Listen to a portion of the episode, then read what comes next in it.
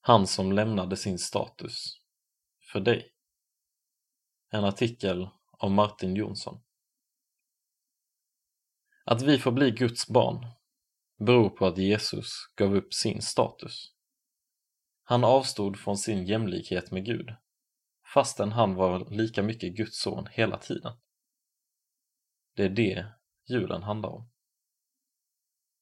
Så här är det. Guds son har alltid funnits i himlens glädje. Men det som hände den första julnatten var att Guds son lät sig födas som en bebis genom jungfru Maria in i vår värld. Han avstod alltså från himlens härlighet. Och den stora poängen är att han gjorde det frivilligt. För vår skull. Gud blev människa. Nya testamentet hjälper oss att förstå detta. Så här skriver Paulus i Filipperbrevet kapitel 2, vers 6-7a. Han var till i Guds gestalt, men räknade inte jämlikheten med Gud som segerbyte, utan utgav sig själv och tog en tjänares gestalt och blev människan lik. När Jesus avstod från jämlikheten med Gud blev han en av oss. Det betyder att han blev sårbar och utsatt precis som alla andra människor. Han kände både glädje och sorg. Han skrattade och grät. Han kunde både vara arg och glad.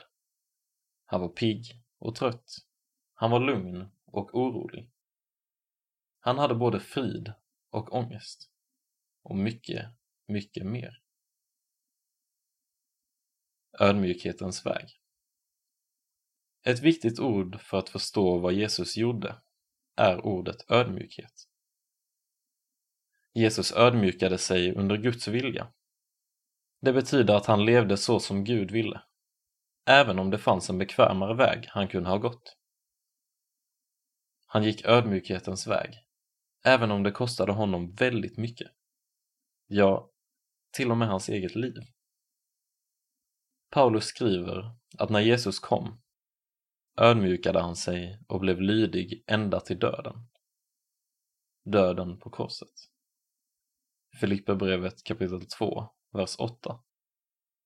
Jämför också Matteusevangeliet kapitel 20, vers 28.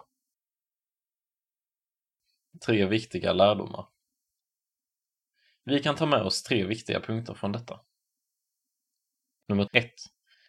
Jesus är världens bästa förebild för ett liv som inte styrs av statusjakt och likes. Han visar på ett liv som handlar om att visa kärlek till sina medmänniskor istället för ett liv med det egna egot i fokus. Med den synen blir det människor man har runt omkring sig det viktiga. Till exempel det man möter i skolan och på fritiden. Nummer två.